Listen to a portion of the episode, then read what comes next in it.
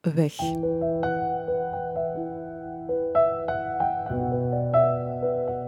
Deze podcast begint omdat zoveel dingen eindigen. Omdat je onderweg zoveel kwijtraakt. Als iets of iemand wegvalt, valt er vaak nog veel meer weg. Rouwen is ook een weg die je moet afleggen, seizoenen die je moet doorlopen. Wat je verliest is weg. Daar gaat het over. Over wat was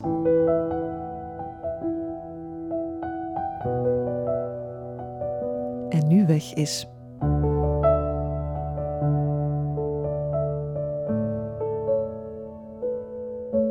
Vandaag heeft Brechtje de weg gevonden. Dag Brechtje. Dag Sophie. Eigenlijk is dat niet waar, want eigenlijk heb ik vandaag de weg gevonden. Heel uitzonderlijk is dit een opname op locatie. Ik ben afgezakt naar Houthalen. En we zitten in een huis dat hier heel binnenkort niet meer gaat zijn. En dat is niet jullie keuze geweest. Jullie zijn onteigend. Dat is natuurlijk een heel verhaal. Maar hoe lang wonen jullie hier al? Um, effectief, we hebben het iets ervoor gekocht, maar uh, we zijn eigenlijk nieuwjaar 2015 hebben we hier gevierd. En we zijn hier gewoon gebleven, omdat we merkten van oké, okay, we kunnen hier slapen naar een nieuwjaarsfeestje, dus dan kunnen we hier ook wel de rest blijven. 1 januari 2015. Acht jaar. Ja. En toen je het kocht, had je toen enig idee wat hier ooit ging gebeuren? Toen we het gekocht hadden, een jaar ervoor ongeveer, of een half jaar ervoor, waren er eigenlijk al heel verregaande plannen om de gewestweg die hier voor de deur loopt, dus de grote baan, om die te gaan verleggen, een omleidingsweg, om eigenlijk het verkeer eh, uit de centra van Houttaal en Helchter te houden. Dus ja, die plannen waren eigenlijk al zo ver dat we dachten van oké, we gaan dat kopen. En na x aantal jaar gaat die baan voor onze deur niet meer zo'n grote baan hè, zijn. En dan gaan we het hier wel rustiger hebben. En het is heel goed gelegen, want we, we zitten in het centrum van Houthalen. Ik kan alles te voet doen als ik dat wil. Ik kan te voet naar de winkel, naar de bibliotheek, eh, naar de apotheek, alles. Dus we dachten wel dat het een goed gelegen huis zou zijn. En zeker als de omleidingsweg er zou komen, zou het wel interessant zijn. Ik ga het even beschrijven voor wie hier nog nooit geweest is. Als je effectief uit de voordeur stapt, kom je meteen op een hele grote weg. Uh, een N-weg, zoals we dat Ja. noemen, een gewestweg, waar de auto's toch wel mogen razen, nog wel een beetje. Maar jullie hebben dat gekocht met in het achterhoofd het idee, die weg gaat een kleinere weg worden, dat zal hier rustiger worden. Dat is het plan. Maar dat is een beetje anders uitgedraaid, want die plannen zijn er nog steeds. Maar om die rustigere weg te bekomen, moet hier een half dorp worden uitgeveegd. Ja, klopt. Dus op een bepaald moment hebben ze heel die omleidingsweg van de tafel geveegd met uh, actiegroepen waar de omleidingsweg ging komen, wat ik ook begrijp. Omdat het volledig, of toch een groot stuk, door natuurgebied zou gaan. Dus ik snap dat ook ergens wel. Um, en dan zijn ze opnieuw moeten beginnen uh, aan tafel gaan zitten en hoe gaan we het dan wel doen? En dan zijn er verschillende scenario's gekomen en uh, uiteindelijk hebben ze vorig jaar beslist om een, een tunnel of deels tunnels te graven onder de centra. En om die tunnels te graven moeten wij weg. Begrijp ik dat ook goed, Brechtje, dat jullie huis weg moet om een weg te maken die er tijdelijk gaat komen tijdens de werken, maar daarna komt dat stukje hier weer vrij? Wij denken dat. We weten het zelf nog niet zeker. Wij zijn al meerdere gesprekken gaan, af gaan luisteren naar infoavonden en zo. En, en, en ook, um, ze hebben de bewoners ook uitgenodigd om individuele gesprekken aan te gaan. En daar hebben we die vraag ook gesteld van ja, waar komt dan de nieuwe rooilijn dan? En wij vermoeden, aangezien ze het doorgaand verkeer moeten, blijven, moet kunnen blijven rijden, dat ze op de plaats waar de tunnels gaan komen, waar de weg dus nu ligt, moeten kunnen graven. Maar ja, dat verkeer moet ergens anders zijn plekje vinden. Dus wij vermoeden dat ze even de baan gaan verleggen, waar wij dus wonen, en dat ze dan inderdaad naderhand de baan onder het centrum door laten gaan en dan dat dit dan, ja, ik weet niet, een laan wordt. Er komt ook een tramspoor. Dus ik vermoed dat dat ook zijn plek moet krijgen. Maar echt concreet hoe en wat weten we zelf nog niet. Dus wacht, jij moet je huis laten afbreken. Daar is geen weg meer voor terug. Mm -hmm. Maar eigenlijk weet je niet precies hoe en waarom. Hoe komt het dat jullie zo weinig informatie krijgen? Omdat het, het globale plan is klaar. Hè, dus de, de keuze voor hoe gaat het tracé lopen is er. Maar de concrete uitwerking daarvan, daar zijn ze nu nog mee bezig. Dus ook waar die rooilijn, met dat we zeggen, we hebben hier een heel lang uh, smal stuk, zoals jij kan zien. En wij hadden ook bijvoorbeeld de optie gevraagd van, ja, het huis moet sowieso weg, want dat ligt op de rooilijn. Hè. Zoals je zei, de voordeur, als je die uitgaat, zit je op die grote baan. Hoeveel ze ook nodig hebben, ja, je kunt niet een half huis onteigenen, maar misschien hebben ze alleen de oppervlakte waar het huis op staat nodig. En dan kunnen we de rest van het stuk grond, dat eigenlijk nog vrij lang uh, naar achter doorloopt, behouden en een nieuw huis opzetten. Maar dat, dat wisten ze ook niet van waar gaat dan die grens liggen. Dus zij onteigenen liever alles dan maar gedeeld, omdat ze niet weten tot hoe ver ze moeten onteigenen. Het is ook niet alleen jullie huis? Nee. Over hoeveel huizen gaat het? Ik heb gehoord dat het ongeveer 150 eigenaars betreft. Dus het is vanaf uh, als je de afrit neemt, dus begin uh, houthalen binnenrijdt, alles aan de oostelijke kant, tot als je Hellichter terug uitrijdt. Dus heel de oostkant van de grote baan. We zitten hier in een rijwoning, dus je buren langs de linkerkant, langs de rechterkant. Zorgt dat voor een soort uh, samenhorigheid? Ja, we hebben eigenlijk wel wat meer gesproken met de buren dan dat we de afgelopen jaren hadden gedaan. Uh, omdat die gesprekken werden dan ingepland, allemaal na elkaar. Dus je ziet elkaar wel passeren op die gesprekken. Of uh, je hoort al eens, hier een beetje verderop is een bakkerij. En dan, als je je brood gaat halen, dan wordt er alles gesproken van... En, zijt je al geweest? En, en is het meegevallen? En ja, je praat toch iets meer met elkaar dan daarvoor, ja. Je zei net, we weten nog niet heel precies hoe de plannen gaan zijn. Maar dat geldt ook voor het stuk daarvoor. Hè? Hoe lang hebben jullie ja, in onzekerheid geleefd? Ja, heel lang. Dus vanaf dat het moment kwam dat die omleidingsweg van tafel is geveegd, is er echt een periode van jaren geweest dat wij niet wisten van wat gaat het geven. En ik moet heel eerlijk zeggen, nu terugkijkend was dat eigenlijk de meest frustrerende periode.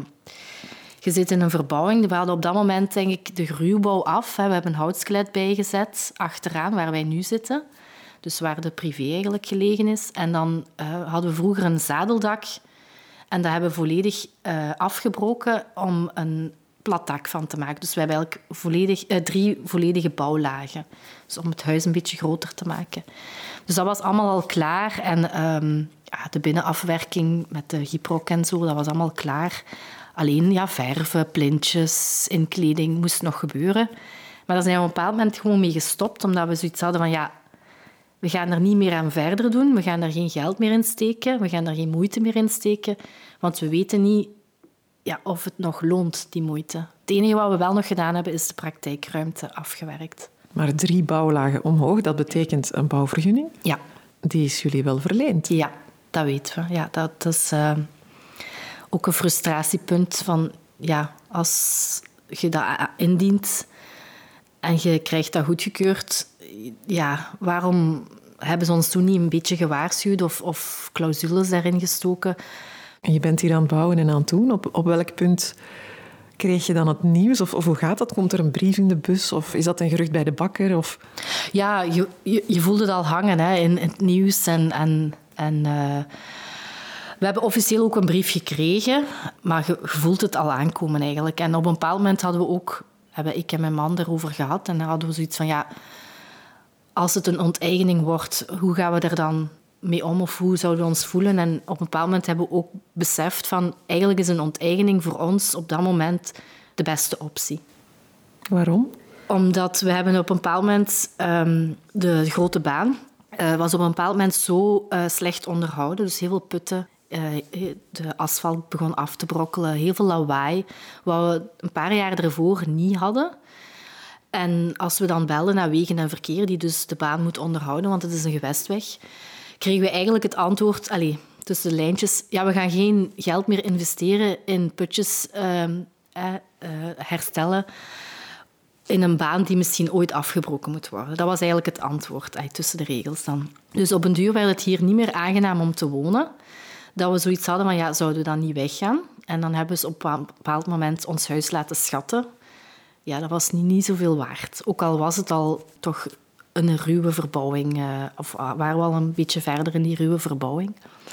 Dat was wel een hele teleurstelling, want ja, als je het dan verkoopt, weet je dat je je geld er niet meer terug uit gaat uh, halen. En als je onteigend wordt, we hoopten dan toch dat we het er wel uit zouden terugkrijgen. En ook uh, de mensen aan de westkant van de baan, die dus niet onteigend worden, die gaan misschien jaren in het stof zitten met al die werken die gaan komen.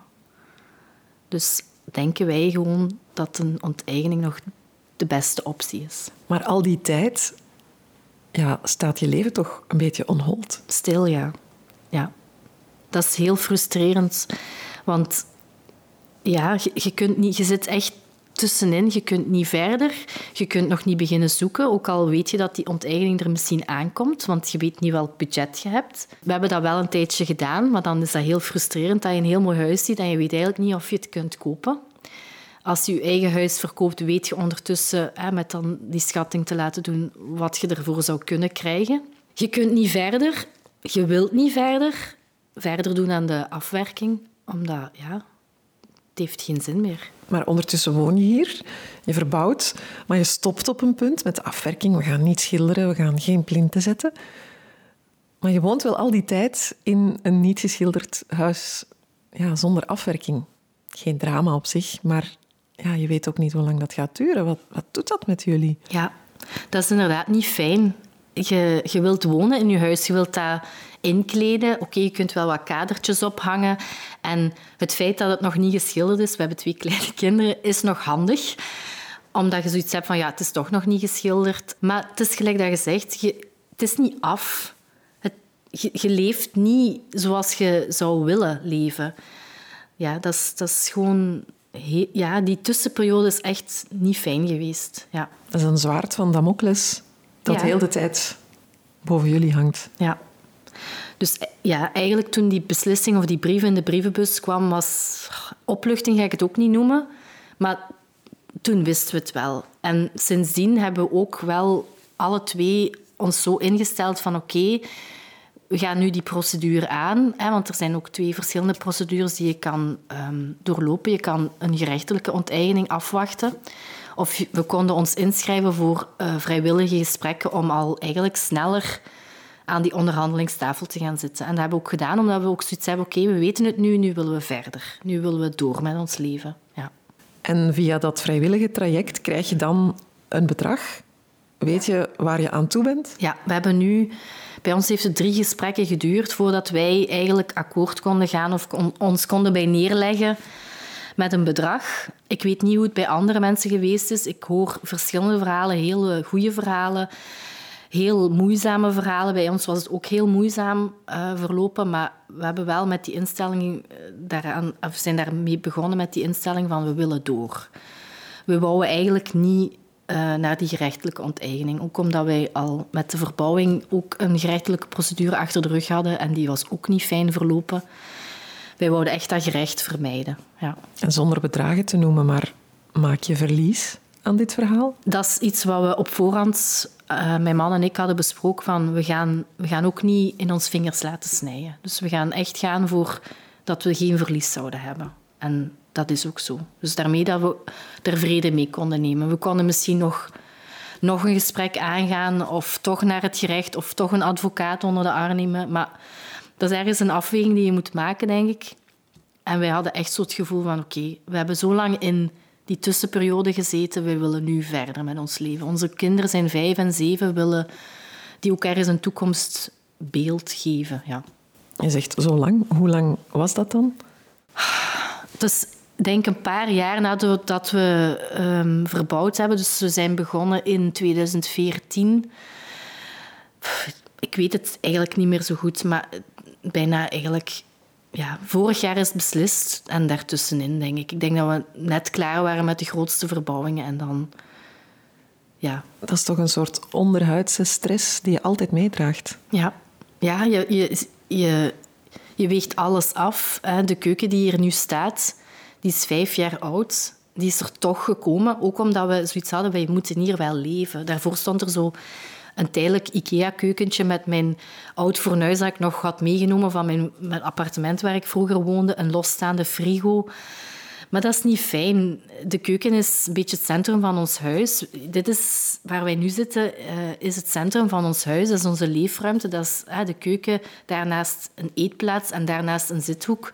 Hier zitten we bijna altijd. En als er niet het comfort is dat je wil, ja, dan, dan, dan leef je ook niet comfortabel. Dus daar hebben we dan toch nog voor gekozen om de keuken te plaatsen.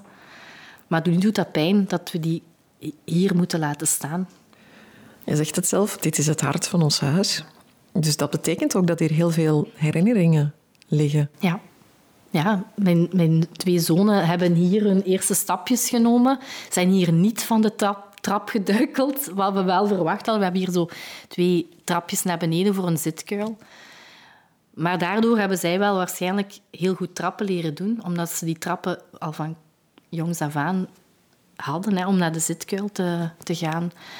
Op de muur naast jou staan allemaal streepjes op de muur met de, de lengtes en de, de groeisprongetjes.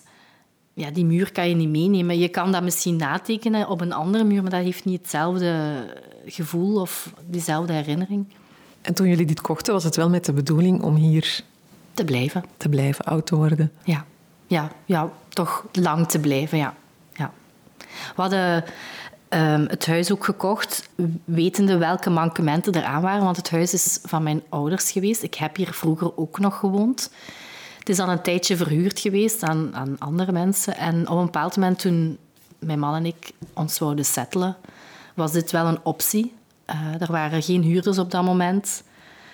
En we hebben dat dan besproken met mijn ouders. En ik wist ook de mankementen van het huis en wat zeker vervangen moest worden. Dus dat, dat gaf ons ook een gerust gevoel van we kopen geen kat in een zak. En het was inderdaad de bedoeling, of mijn man had mij ook echt overtuigd van de ligging. Ik had er al gewoond, ik wist dat het een grote baan was. Maar het is wel heel goed gelegen. En met het zicht op een omleidingsweg ja, kon het alleen maar beter worden.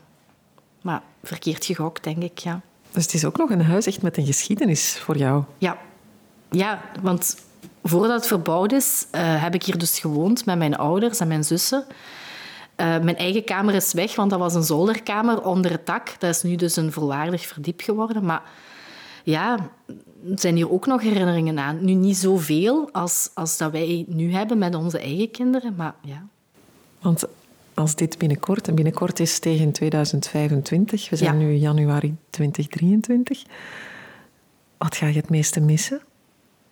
Ik weet het eigenlijk niet. Daar heb ik eigenlijk nog niet over nagedacht. Nee. Ik denk dat dat achteraf wel gaat komen van, ah ja, dat. Ik, nu persoonlijk zou ik zeggen mijn keuken.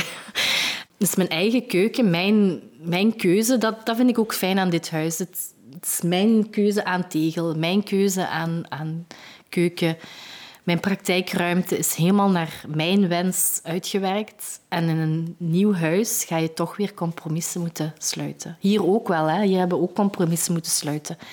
Omdat het een bestaand huis is en je moet, het, moet ermee doen hoe dat het er is. Hè. Bijvoorbeeld die zitkuil, die moesten we maken omdat we anders de doorgang um, onder de trap door niet hadden. Of die was dan te laag. Dus je moet wel ergens compromissen maken. Maar qua inkleding is het echt wel mijn ding. Heb je spijt dat je hier zoveel in geïnvesteerd hebt? Oh, spijt. Het is spijtig. En ik vind het moeilijk om het achter te laten. Gelijk dat ik zeg, hè, zo mijn eigen keuzes, mijn mooie keuken. Maar het is wel weer een leermoment geweest. Dat we toch de hele verbouwing hebben we heel veel uit geleerd. We weten dus ook al dat we niet voor een totale renovatie opnieuw zouden gaan. Dus het nieuwe huis moet ofwel helemaal ons ding zijn en af, ofwel zouden we het volledig laten doen. Dus we gaan niet meer zelf verbouwen, dat weten we al heel zeker. Een keer verven, oké, maar zelf uh, in stof gaan staan, dat zien we echt niet meer zitten. Dat zorgt er ook voor dat er... Ja, je hebt een huis, hè? je hebt een thuis. Ja. Dus een nieuwe thuis zoeken eh, geforceerd eigenlijk, ja. maakt dat de lat hoog ligt voor die nieuwe thuis. Het is heel moeilijk. En dat is ook iets wat ik op de tafel heb gelegd bij die onderhandelingen. Omdat we hebben nu en een goede ligging en een ruim huis. We hebben ruimte bijgecreëerd. We hebben een praktijkruimte in huis. Ik ben dan halftijds nog als zelfstandige bezig. Het is zo fijn om, als ik niet werk, de deur niet uit te moeten eh, of, of, thuis te zijn. Hè. Eh, als er iemand niet uh, komt opdagen of zo, kan ik gewoon up, naar achter, naar de privé en ik ben al thuis. Als ik een praktijkruimte bij iemand anders heb, dan moet ik die meestal, hè, dat heb ik vroeger gedaan, huren. Dus dan betaal je daar geld voor. En als je geen afspraken hebt op dat moment, ja, dan betaal je wel huur, maar heb je geen inkomsten. Terwijl nu wordt die ruimte gewoon een stukje afgetrokken van mijn belastingen, want ik moet die eh, voorzien. Hè, die, die, die wordt ook onderhouden. Dat, die is ook een stukje gecreëerd. Dus dat zijn aftrekposten voor mijn boekhouding. Als je ruimte huurt, is dat ook wel een aftrekpost, maar dat is, dat is dan weer anders. Dus er gaat heel veel voordeel ook verloren aan die praktijkruimte die in huis is. En wie weet vinden we die niet opnieuw in een nieuw huis. Of moeten we die creëren? En dat kost dan ook weer geld. Dus ja. En ja, al die zaken hebben we op tafel gelegd van dat zijn allemaal voordelen die we nu hebben en die gaan we misschien niet hebben in een nieuw huis. Misschien is dat huis niet zo goed gelegen, is er wel een praktijkruimte, maar ja, dat is heel moeilijk ja, en heel frustrerend. Toen ik vroeg wat ga je het meeste missen, dacht ik dat je zou zeggen mijn praktijkruimte, omdat dat niet zo evident is. Ja, dat is ook waar. Ja. Om te verplaatsen. Ja. Dat, dat, dat, dat zou het dan een, misschien het tweede zijn. Ik, ik ben zelf heel veel hier, dus in deze ruimte waar we nu zitten. Ja, en ik sta dagelijks in de keuken. Maar inderdaad, de praktijkruimte is inderdaad ook zo'n tweede parel die, uh, die we moeten achterlaten. Ja, het is volledig ingericht of, of ontworpen door mijn man. Dus die heeft die zelf helemaal in SketchUp, dat is zo'n ontwerpprogramma, hij heeft die helemaal uitgetekend. En dan hebben we die tekeningen afgegeven aan een schrijnwerker en die heeft die volledig naar onze wens gemaakt. Dus het is volledig ons ding, ook van mijn man. Want je hebt de praktijkruimte gezien. Daar is nog zo'n oude boog eh, in het midden van de ruimte. Een echt perfecte halve cirkel. En mijn man vond dat zo mooi. Die, die halve cirkel mocht niet weg. En onze architect die heeft ook die halve cirkel behouden. Dus dat is voor hem een pronkstuk. Eh, ook een pronkstuk van de praktijkruimte. Met dan die kasten die door hem ontworpen zijn. Ja, en iedereen die bij mij in de praktijk komt, zegt: Wauw, wat een mooie ruimte. Wat een ja, mooie praktijk. dat kan ik alleen maar bevestigen. Het is een heel erg mooie ruimte. Die is helemaal perfect afgewerkt. Ja, die wel. Ja. Als je zo naar die onderhandelingstafel gaat, is dat vooral met emoties of is dat toch ook echt wel met ja, cijfers. cijfers ja. Ja, ja beide. Um, we hadden gelukkig dus die factuur nog van die uh, schrijnwerker. En die praktijk is net in 2019 geplaatst. En ik wil dat gerust zeggen voor ongeveer 10.000 euro. Dus die factuur hebben we meegenomen, omdat we zoiets hadden van ja, kijk, die is nog maar hè, zo drie jaar oud. En ook met corona, jammer genoeg, niet zoveel gebruikt geweest als dat ik had gehoopt. Dus wij, wij dachten van oké, dat is iets waard, hè, die factuur. Uh, maar helaas kijken zij daar zo niet naar. Zij hebben mij eigenlijk um, voor de praktijk maar 17.000 euro geboden. Terwijl, ja, het is niet alleen die, die bureau, die, die kasten. Uh, het is die locatie van die praktijk, uh, ja, heel die afwerking. Uh, ik moet herlokaliseren, mensen moeten verplaatsen, ik moet nieuwe naamkaartjes laten maken. En dan is dat bedrag van 17 doet dan wel pijn. Is dat dan maar waard? Dus dat is dan wel heel moeilijk. Maar blijkbaar kijken zij daar zo niet naar. Ja. Hoe kijken zij daar dan wel naar? Ja, ze hebben eigenlijk um, de uitleg gegeven dat die praktijkruimte deel van het pand is. En voor het pand hebben we dan ook een bedrag uh, gekregen of uh, gehoord. En, en puur voor de praktijk als, als zaak geven zij dan 17.000 euro. En op een bepaald moment kwam dan in de opsomming 1000 euro voor de kastjes. Ja, dat deed echt pijn. Dat deed echt pijn op dat moment. 1000 euro voor de kastjes en we hadden daar een factuur van 10.000 euro liggen. Voor hen is het een huis, voor jullie is het een thuis. Ja, ja. Het werk wat erin is gestoken, ja, zij kijken daar niet naar. Zij kijken eigenlijk naar een soortgelijk pand in dezelfde regio en hoeveel dat, dat op dit moment wordt verkocht. En dan, hè, daar baseren ze zich dan op.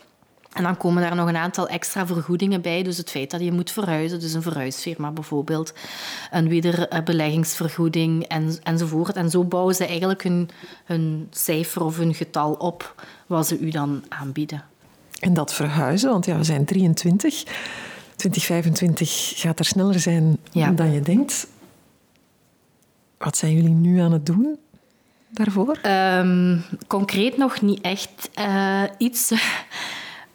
We hebben ook wel zo het idee van ja, alle rommel die we niet gaan mee verhuizen, die gaan we gewoon laten staan. Dan moeten zij maar afbreken, moeten zij maar opruimen. Dat hebben ze zelf ook gezegd. Wij moeten ook niet met dingen gaan sleuren eh, die niet mee hoeven. Die, ja, die worden gewoon door de afbraakwerken meegenomen. Ik denk dat ze daar ook op tellen om een aantal dingen mee te nemen. Bijvoorbeeld de keuken ook. Ja, die kun je moeilijk afbreken en meenemen. Maar moesten we het wel zouden willen, dan ging dat van de prijs af. Ja. Dus dan eh, ging daar een, een forfaitaire prijs op gezet worden. En dan ging dat van ons bedrag af. Dus dat zou dan ook in de akte opgenomen worden.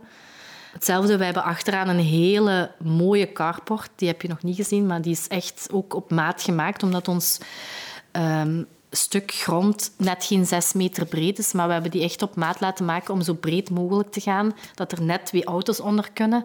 Die heeft ook wel wat gekost. Daar hebben we ook lang over getwijfeld, zetten we hem of zetten we hem niet. We hebben het eigenlijk gezet omdat we zoiets hadden, we willen leven, we willen niet... eh, Stilstaan. stilstaan. We willen eh, een beetje comfort hebben, ook in de tuin. Hè. We hebben daar ook een tuinberging aan laten maken. Ik kan de kinderen eh, in de auto zetten en de riemen aandoen zonder dat de, de regen in mijn nek zit te druppelen. Maar ja, die gaat ook tegen de grond. En als we hem wouden meenemen, dan moesten we daar ook weer... eh, daar ging dan ook weer een prijs op gezet worden en dan moesten we dat er vanaf. Dus ik denk dat ze ook wel rekenen op een aantal dingen die ze kunnen recupereren. Of die afbraakwerker die ze daarvoor aanstellen, die zal ook wel een aantal dingen kunnen recupereren. Ja.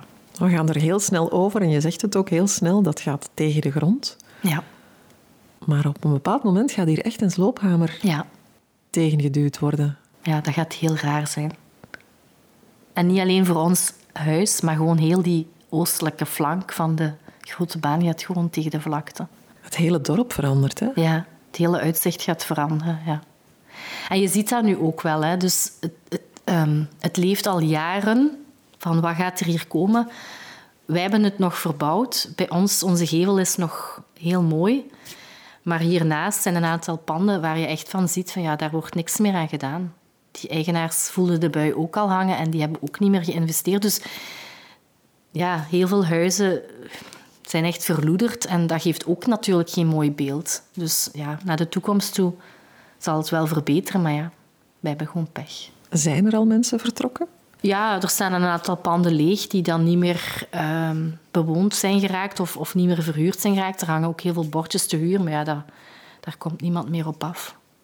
En als die wrecking ball tegen het Ja. huis wordt geslagen, ga jij daar dan op staan kijken? Ja, ik weet het niet. Mijn man heeft mij die vraag ook gesteld. En natuurlijk, als je niet gaat kijken, dan is het gebeurd en dan heb je die kans laten schieten. Maar ja, ik weet het niet. Of ik zou, zou gaan kijken. Dat is uiteindelijk inderdaad... We hebben daar zelf ook veel aan verbouwd. We hebben veel er zelf in proberen te doen, of zoveel mogelijk, om toch de kosten zoveel mogelijk te drukken. En zelfs al heb ik daar niet veel in gedaan, ja, je, hebt dat, je hebt dat bekostigd, hè, je hebt het allemaal betaald. En dat gaat dan ineens gewoon tegen de vlakte. Ik weet het niet. Misschien laat ik het filmen. kan ik het nog wat uitstellen? Ja, want je thuis, jullie handenarbeid die hierin zit, er, er wordt zoveel met de grond gelijk gemaakt. Dit is de plek waar je kindjes geboren zijn. Misschien niet letterlijk, maar wel. Ja. ja, ja. Zij hebben geen ander huis gekend dan dit. Ik heb wel, maar ja, zij niet. En hoe zeg je dat tegen hen? Ja, dat hebben we ook al uitgelegd, ja. Ehm, dus ze zijn al op de hoogte. En Ze stellen zich ook vaak de vraag van wanneer gaan we dan verhuizen. Toen jij stuurde dat je onderweg was, dacht de kleinste al dat het vandaag ging zijn dat het werd afgebroken. Ehm, dus dat leeft wel bij hun ook van, ja, wa- waar gaan we dan naartoe? En, en hebben we dan een eigen kamer of, of waar gaan we dan wonen? Ehm, ja, ze zijn er ook mee bezig natuurlijk. Ja. En waar komt die weg dan? Die vraag stellen zij dan ook. Hè? En ze zijn ook een beetje boos van dat er een tunnel komt onder ons huis en dat we daarom weg moeten. Dus ze zijn er ze zijn mee bezig, ja. Want er is nog geen nieuwe plek, niet met zekerheid. Hè? Nee, we hebben nog geen definitief eh, plan. We hebben wel wat ideeën uh, die we nu aan het ja, onderzoeken zijn of dat haalbaar is. Maar we hebben, we hebben zelfs ons, ons, onze akte nog niet. Dus we hebben nu wel een, een overeenkomst, wat ook heel raar was. Dus in het derde gesprek hebben we dan op een bepaald moment een papier gekregen met een bedrag op. En wij vroegen aan hun, wij moesten dat dan ondertekenen uh, voor akkoord, hè, dat we daar dan mee akkoord gingen. En wij vroegen dan, willen jullie dan, hè, ze waren met twee, willen jullie dan ook jullie handtekening daarop zetten? Wij, wij gaan er toch vanuit dat een, een contract of een akkoord door beide partijen wordt ondertekend, maar dat is dus blijkbaar niet. Want zij legde uit dat zij niet bevoegd waren om dat papier te ondertekenen. Dat was gewoon dat wij akkoord gingen. Dan ging dat naar de commissaris, de vastgoedcommissaris. En die zou dan verder gaan met het volgende, de volgende stap en daar dan echt een, een notarieel akte van maken. Waar dan bijvoorbeeld in staat dat we de keuken mee willen of uh, hoeveel we krijgen voor de onteigening. Daar zijn we nu op aan het wachten, op die akte. Want wie zit er dan eigenlijk tegenover jou? Ja, dat waren eigenlijk mensen van eh, het Vlaamse agentschap. Ehm, die de, onderhandel, de, de onderhandelaars, zal ik zeggen. Ik weet zelfs hun officiële titel niet. We hebben een kaartje gekregen, maar maakt niet uit. Dat waren twee mensen die uh, dus alles, alle panden af zijn gegaan. Die zijn één keer op bezoek geweest. Uh, een van de twee is op bezoek geweest, maar ik moet zeggen, dat was 15 minuten en die stond terug buiten. Is echt globaal kijken. Ik, ik vermoed dat die op voorhand al een, een, bedrag in hun hoofd hadden op basis van de gevel. zo gaan ze de gevels af. En dat ze eigenlijk gewoon even binnen wouden komen kijken of dat, dat bedrag ongeveer klopt. Dus die gaan er echt heel grof door. Maar hun job is waarschijnlijk om dat bedrag zo laag mogelijk te houden. Ja, ik denk dat die op, voordat we het eerste gesprek aangingen al een boven- en een ondergrens bepaald hadden. En dan dat dat hun marge was. Centen zijn belangrijk, natuurlijk, heel belangrijk. Maar het gaat toch ook over meer, hè?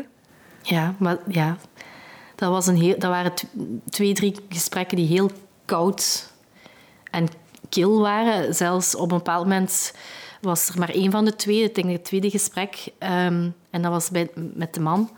Het was een man en een vrouw toevallig. En uh, die man zat ook echt gewoon achterover geleund in zijn stoel dat wij zoiets hadden, ja, maar het gaat hier wel over ons huis dat wij moeten achterlaten. En dat liet hem precies zo wat koud. Dat was echt ja, een heel kil gesprek en dat, dat was heel frustrerend. Ook omdat we hadden dan gehoord van andere um, eigenaars dat in het tweede gesprek er iets bij was gekomen. Dus wij gingen ook met dat idee naar ons tweede gesprek van oké, we hadden ons eerste bedrag gehoord en we hadden voor onszelf een aantal argumenten op papier gezet met die factuur bijvoorbeeld van de praktijkruimte die we hadden opgezocht. Dus we dachten van, ah, we gaan misschien, al is het 10.000 euro bijvoorbeeld van die kasten, er wel bij krijgen. Hè? Ehm, maar dat was niet. Dat was een heel kil gesprek en er was niks bijgekomen. Dat was heel ja, teleurstellend. Dat we echt op een bepaald moment zoiets hadden, oei, ja, wij horen dan verhalen dat erbij komt en bij ons komt er niet bij. Moeten we dan tevreden zijn met dat eerste bedrag? Wat op zich niet slecht was. Maar ja, het, zou, het, zou het was geen slecht bedrag als je verkoopt. En dat heb ik altijd onthouden. Wij verkopen niet. Wij worden onteigend. En dat heb ik heel tijd in mijn achterhoofd gehouden van... Nee, we gaan nog toch een beetje verder of, of, we gaan toch nog verder proberen. Ook al willen we die onteigening of die gerechtelijke onteigening vermijden. Maar we mogen ook ons niet laten doen. Dan heb ik ook heel tijd tegen mijn man gezegd, wij verkopen niet, wij verkopen niet. Wij worden onteigend. Zo oneerlijk, hè? Ja. Hoe had dat vermeden kunnen worden, denk je? Goh. Ik denk dat ze het weer veel te lang hebben laten aanslepen. Hè? Dat is zo typisch België. Dat ze niet goed doordacht daaraan zijn begonnen. Die omleidingsweg ging er bijna komen en toch kan er nog iemand naar de Raad van State stappen en dat tegenhouden dat moest toch op voorhand al goed ja, onderzocht zijn geweest. Dan, dan was die procedure weer niet helemaal van tafel geveegd. En ja, ik denk soms nu nog, misschien worden wij onteigend en ligt het weer op zijn gat en, en wordt het weer uitgesteld of tegengehouden. Ik weet het niet, maar nu, voor ons maakt het dan niet meer uit. Dat, dat hebben wij ook al achter ons gelaten van ja, dan is het zo. Hè. Dat gaat dan extra zuur zijn, ja, oké. Maar wij zijn tenminste uh, verhuisd en wij kunnen weer verder. Dan is het niet meer voor ons, maar ik hou er zelfs nog rekening mee dat dit project ook misschien nog, ik weet niet hoe lang gaat aanslepen. Maar dan zie je misschien dit huis verloederen. Als ja, het... dat zou, ja, dan heb ik liever dat het tegen de grond gaat, misschien, ja. ja. Wanneer denk je, ga je echt weer gemoedsrust vinden als het over wonen gaat? In huis en thuis? Goh, ik heb nu wel zoiets van, als wij echt nu het nieuwe huis hebben en dat het naar onze hand kan gezet worden en we kunnen daar weer beginnen opbouwen, zal ik zeggen, dan denk ik dat we wel rust gaan vinden of tevreden gaan zijn van oké, als we niet een stap achteruit gezet hebben. Als, als we dat gevoel hebben van oké, we hebben iets gevonden. Ik ben heel realistisch. We gaan niks vinden dat en goed gelegen is en groot genoeg is en een praktijkruimte he, uh, heeft. Ik denk dat we daar ook weer ergens een compromis moeten maken. Maar als we het gevoel hebben van oké, we kunnen weer verder en naar comfort zijn we geen stap achteruit gegaan, dan denk ik dat we tevreden kunnen zijn. Ja. Maar eigenlijk, ja, settle jij met iets ja. waar je nooit voor gekozen hebt. Hè? Ja, maar ik vrees dat we, als, als je daar tegenin blijft vechten in je hoofd dan, dan ga je nooit tevreden zijn. En ik wil verder. We hebben al jaren gehad dat we zoiets hebben van ja, we zullen dat nog maar niet doen. Of, of zouden we het doen? Ja, we gaan het doen. En dat we nu achteraf weten van, ja, kijk, we hebben een keuken gezet voor vijf jaar. Allee, terwijl je normaal gezien een keuken zet voor twintig jaar. Allee, hoop ik toch. Ja, dus ja, je kunt niet blijven hangen in dat gevoel. allee, of we willen niet blijven hangen in dat gevoel. Want hoe zwaar zijn die jaren geweest? Ja, dat is niet fijn. Ik heb dat nu nog. Hè het komt misschien over alsof ik er al over ben, maar soms besef ik weer van oké, wat, er hier gaande? Of als ik met iemand praat, dat iemand anders reactie mij doet stilstaan van nou ja, eigenlijk, we, zijn, we worden gewoon onteigend en, en dit en dit gaat gebeuren. Dat ik dan terug besef van wat er eigenlijk allemaal gaande is. Maar ik merk het aan, aan fysiek bijvoorbeeld, uh, als er zo die gesprekken zijn geweest merkte ik dat ik bijvoorbeeld weer heel veel jeuk begon te krijgen. En, en dat is echt van de stress. Dus lichamelijk merkte ik wel zo periode van... Oké, nu is er weer veel stress geweest en ik ben weer vatbaarder voor, voor ziek te worden en zo. Dat is echt van de stress, ja. Dus ja, niet fijn.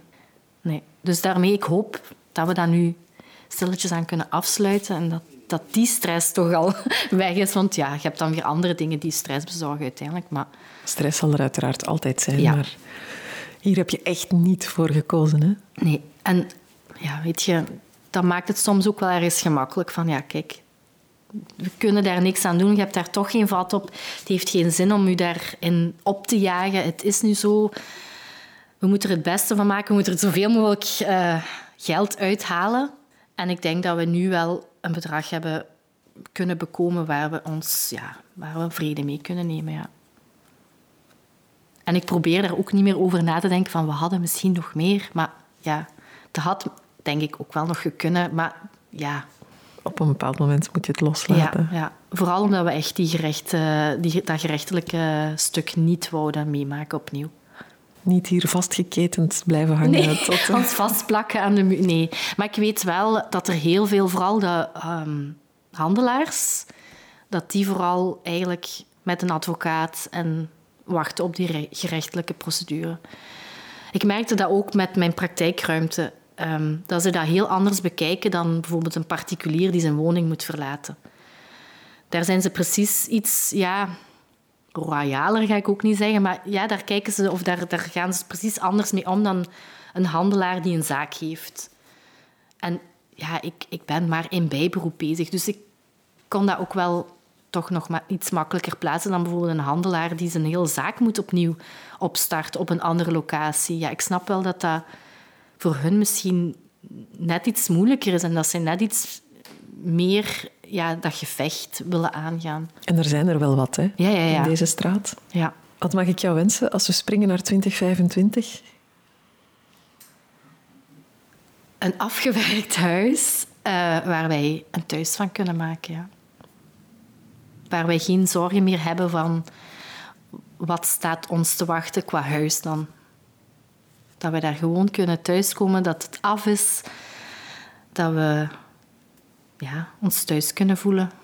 En nooit meer een brief in de bus. Nee, toch niet voor zoiets. voor als we de lotto winnen of zo. Dat mag altijd, maar ja, nee. Die zorg, dat die zorgen ja, er niet meer zijn. Ik wens het je heel erg toe, Brechtje. wel ook om het uh, te vertellen. Het is graag gedaan. Ik vind het zelf bijna gek om hier te zijn, wetende dat het... Binnen drie jaar weg is. Ja. Ja. Dus ik vind het al een gek gevoel. Wat moet dat wel niet voor jullie zijn? Ja. Ja, het is heel raar. We hebben zelfs even gedacht, zullen we het zelf afbreken? Dat, het, dat wij het zijn die het hier kort en ai, klein slaan. Maar ja, dat zal niet mogen, denk ik. Denk het ook niet. Maar ik ben wel zeker dat jullie de gezelligheid die hier hangt gaan meenemen naar de volgende thuis. Dat is de bedoeling, ja. Succes. Ik hoop dat jullie dat, dat huisje, dat plekje vinden. En dat er daar van alles kan groeien. Dankjewel.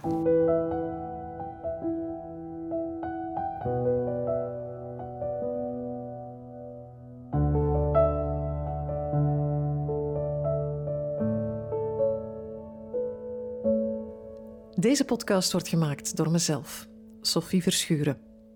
De muziek is van Udo Mechels en zijn pianoproject Umea Beuto. Heb je er iets aan gehad? Geef weg dan een goede review of deel de podcast op je eigen sociale media. Dat kan helpen om rouw en verlies meer bespreekbaar te maken. Je vindt de andere afleveringen en extra informatie op podcastweg.be. En daar kan je ook, als je dat zou willen, een vrije bijdrage geven om het voortbestaan van deze podcast te verzekeren. Heel erg bedankt om te luisteren.